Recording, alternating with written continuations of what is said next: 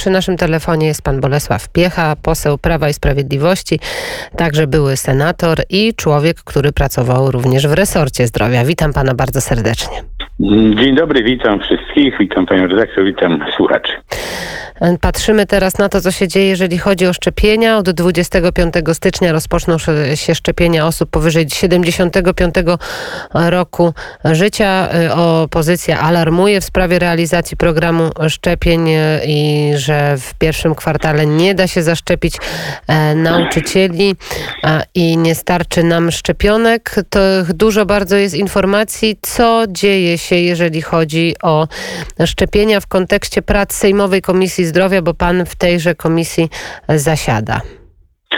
Ja nie byłbym tak alarmistycznie i źle nastawiony na program szczepień jak opozycja. Ja sądzę, że wszystko jak na ogromną skalę jednak działalności i tego całego zadania, którym jest zaszczepienie możliwie największej ilości populacji Polaków, jestem dość spokojny. Po pierwsze, szczepienia ruszyły wtedy, kiedy były zapowiadane. Po drugie, wbrew różnego rodzaju enuncjacjom, pracownicy ochrony zdrowia dość zdyscyplinowanie i z chęcią się zgłaszają. Jest zgłoszonych ponad 70 700 tysięcy ludzi, w służbie zdrowia pracuje oczywiście trochę więcej, ale jest to 70-75% obywateli. Mhm. Szczepienia przebiegają w określonych punktach.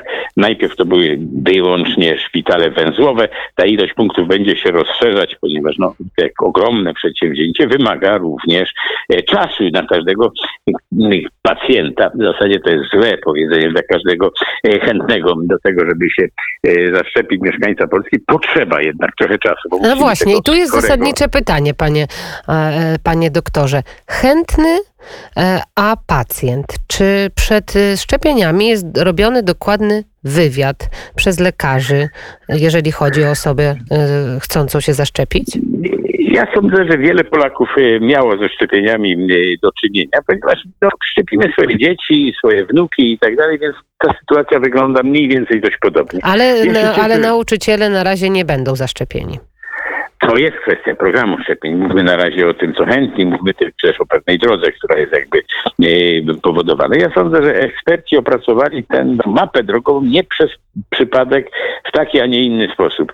To, co jest e, najważniejszą rzeczą i co trzeba chronić, to są pracownicy opieki zdrowotnej. To są oczywiście i ci, co pracują w szpitalach, i co w przychodniach, i w domach opieki społecznej i tak dalej, i tak dalej, bo oni są na pierwszej linii frontu i oni biorą główny ciężar leczenia e, tych naszych mieszkańców, którzy zachorowali na koronawirusa. I to jest sprawa jasna. To jest grupa zero.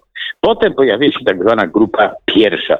Ta grupa pierwsza to są głównie osoby w podeszłym wieku, bo również tam służby mundurowe i tak dalej, i tak dalej. I jest to też uzasadnione. Czy znajdzie się miejsce w tym e, czasie również dla nauczycieli? To zobaczymy, bo część nauczycieli, który ma określony wiek, na pewno w tej pierwszej grupie e, skierowanych do szczepień będą zaszczepieni. Byłbym spokojnym, znacznie więcej oczywiście e, należało mieć wątpliwości dotyczących e, przede wszystkim, czy i odpowiednia ilość szczepionek dotrze do nas, ale sąd twierdzi, że tak jest i to, co e, mówią, dzisiaj mamy 600 e, tysięcy już szczepionek na miejscu, z tego 300 jest rozdystrybuowanych, prawie 200 tysięcy osób zaszczepionych. Druga dawka na każdego czeka w odpowiednich magazynach, w odpowiednich warunkach, bo każdy z nas będzie szczepiony dwukrotnie i dopiero po tym drugim szczepieniu i to jeszcze po upływie 6-7 dni od tego drugiego szczepienia uzyskamy tą całkowitą odporność. Byłbym spokojny. Ja bym nie zaklinał rzeczywistości, bo nie ma takiej potrzeby. Nie ma takiej Wydaje potrzeby. mi się, że, że nie ma po prostu takiej potrzeby, żeby straszyć. Trzeba zachęcać i cieszę się, że taka akcja propagandowa jest.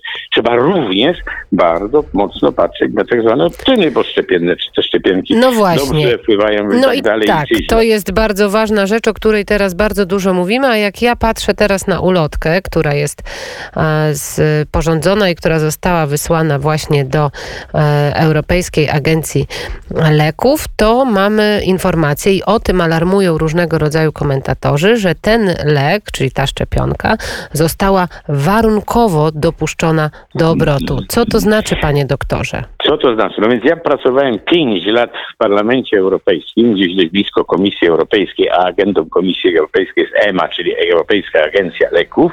Y, Jest, prowadzone są dwa rodzaje y, tak zwanych dopuszczeń do stosowania leków. Szczepionka się w tym e, przedziale również mieści. Pierwsze to są szczepionki tak zwane ostateczne zalecenie, czy ostateczna decyzja dopuszczająca, to jest po wieloletnich badaniach i tak dalej. Ale od przynajmniej kilku ładnych lat, a na pewno jak byłem w Parlamencie Europejskim, pracowaliśmy dokładnie nad czymś, co się nazywa innowacyjne leczenie. Głównie wtedy chodziło o ebole, mało kto jeszcze o tym pamięta, i o leki nowotworowe, gdzie technologie tak szybko, y, produkcje były potrzebne, te szczepionki na ebole i tak szybko szły w kierunku leków, że troszeczkę inaczej patrzy się dzisiaj na dopuszczenie. Jest możliwe tak zwane dopuszczenie warunkowe.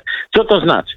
To znaczy, że nie był dokonany całkowity przegląd wszystkiego, co się dzieje, bo wtedy byśmy tą szczepionkę mieli pewnie pod po pandemii e, e, wirusem COVID, no przynajmniej za 2-3 lata.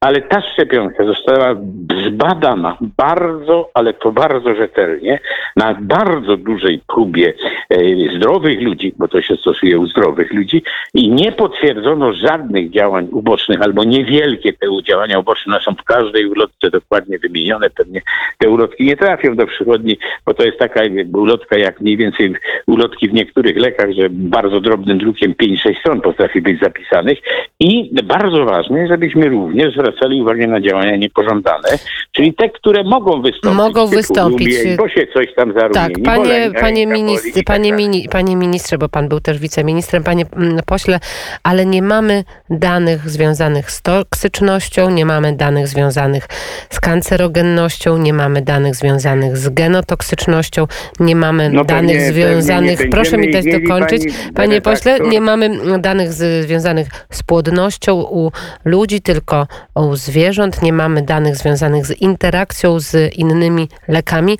Dużo bardzo tych niewiadomych. I dlatego to dopuszczenie jest tak zwanym dopuszczeniem warunkowym, ale też bardzo dużo leków stosujemy out of label, czyli poza tym, co jest dokładnie opisane. Słynna amantadyna, która em, była taki news, że ma leczyć każdego z koronawirusa. Mhm. Ona nigdy nie była dopuszczona do takiego stosowania. W związku z tym, jeżeli ktoś to zastosował, to musiałoby to być przestępstwo. Są dwie wtedy metody. Jedna, takie dopuszczenie on the label, czyli poza przepisami, które wszystko wyszczególniają, na co ta szczepionka, czy na co ten lek był badany, jakie miał działania uboczne, jak działał, można stosować, powiedziane, wtedy to jest odpowiedzialność lekarza i, i tak to zostało. Mm. Ja Mhm. jestem przekonany, że ta szczepionka jest bezpieczna.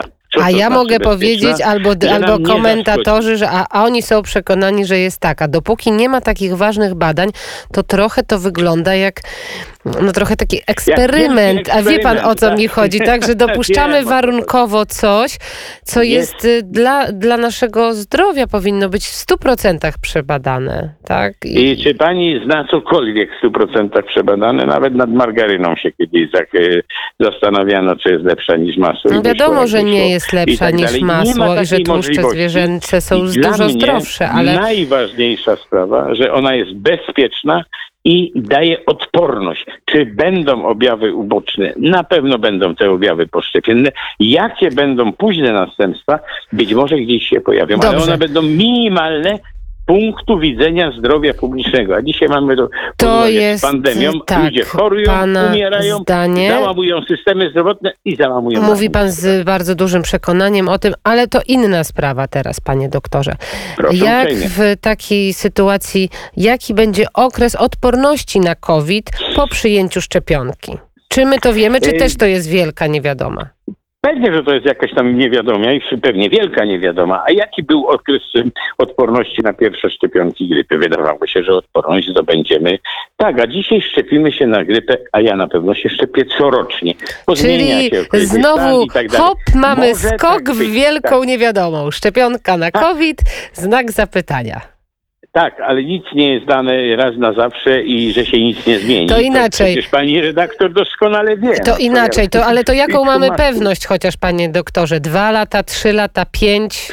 Ja sądzę, że o dwuletniej odporności możemy mówić, a to dużo, y, bo cała sprawa polega na tym, że myśmy też szczepili znacznie gorszą szczepionką ludzi przeciwko tak zwanej czarnej ospie albo ospie Czemu gorszą szczepionką? I wie? Czemu była gorsza? gorszą szczepionką. Ona była mniej przebadana. I wie pani, jaki jest efekt? Nie ma ani jednego przypadku ostry, o, ospy prawdziwej, czyli ta czarnej na świecie, a była to plaga dziesiątków pokoleń mieszkańców Ziemi. Nie ma. Jeżeli ktoś zachoruje i stwierdzi się u niego ospę prawdziwą, to, To- ten, który to stwierdzi, dostaje milion To dolarów. i, Tak, to aha, jest milion dolarów, czyli jest bank, to, to trzeba zachorować, Bank, to się chociaż zarobi. pieniądze w przypadku, jak ktoś stwierdzi czarną ospę po tej ogólnoświatowej Mhm. akcji szczepień. I- Być może nie mamy do czynienia z taką samą wirusem, jak wirus ospy, on był znacznie groźniejszy, ale sądzę, że pozwoli nam to wyjść z tej epidemii również z doskonałymi skutkami zdrowotnymi. Kiedy poznamy te wyniki badań, panie, panie ministrze, w takim razie, panie pośle? Kiedy możemy się spodziewać, że już te wszystkie niewiadome Jeżeli będą wiadome? Jeżeli chodzi o niewiadome, wszystkie, to na pewno nigdy ich nie rozstrzygniemy, bo zawsze może się pojawić jakiś przypadek, który będzie wiązany ze szczepionką. Natomiast sądzę, że efekty uzyskanej odporności e, zbiorowej uzyskamy wtedy przez normalny eksperyment, czy normalną obserwację, że nie będziemy mieli koronawirusa albo będą śladowe ilości zakażeń koronawirusa. W przyszłym sezonie grypowym, to jest w przyszłym e, sezonie jesienno-zimowym przyszłego roku, tego roku, albo, a tak jest, bardzo szerokie badania będą trwały latami. Dobrze, Może panie, dwa, panie pośle, i naprawdę tak, to są, to są lata. I ostatnie naprawdę pytanie, jeżeli już przechorowałam COVID i mam na razie przeciwciała, czy my wiemy, na jaki czas mi te przeciwciała, ta odporność starcza, czy też nie wiadoma? Ano też pani wie, że są przypadki takie, że choruje się drugi raz na COVID, więc ja radzę wszystkim, nawet tym, którzy ozdrowieńcom, którzy chorują na- chorowali na COVID, zaszczepić się tym, tą szczepionką, bo ta szczepionka jest specjalnie wyizolowana i ma wbudowany najważniejszy mechanizm, który pozwala, że ten wirus nie potrafi się wszczepić w nasze komórki i się namnażać. Natomiast czy ta odporność jest stała, nie wiem. Ja myślałem kiedyś, że na tężcach, gdzieśmy byli wszyscy szczepieni, odporność będzie na całe życie. Jakie było moje zdziwienie kiedyś w Parlamencie Europejskim, kiedy chciałem wyjechać, a musiałem wyjechać z jakiejś obserwacji wyborów do trzeciego świata, że kazali mi się zaszczepić na tężca, ponieważ co 10 lat trzeba było to przypominać, a to jest bakteria, która nie zmienia się tak często jak wirus. Bardzo dziękuję za tę wypowiedź. Pan e, poseł Prawa i Sprawiedliwości Bolesław Piecha, lekarz, także członek Sejmowej Komisji Zdrowia, był gościem popołudnia wnet. Dziękuję i dużo zdrowia życzę. Dużo zdrowia w nowym roku i trochę więcej optymizmu, pani redaktor. Tak, dziękuję bardzo.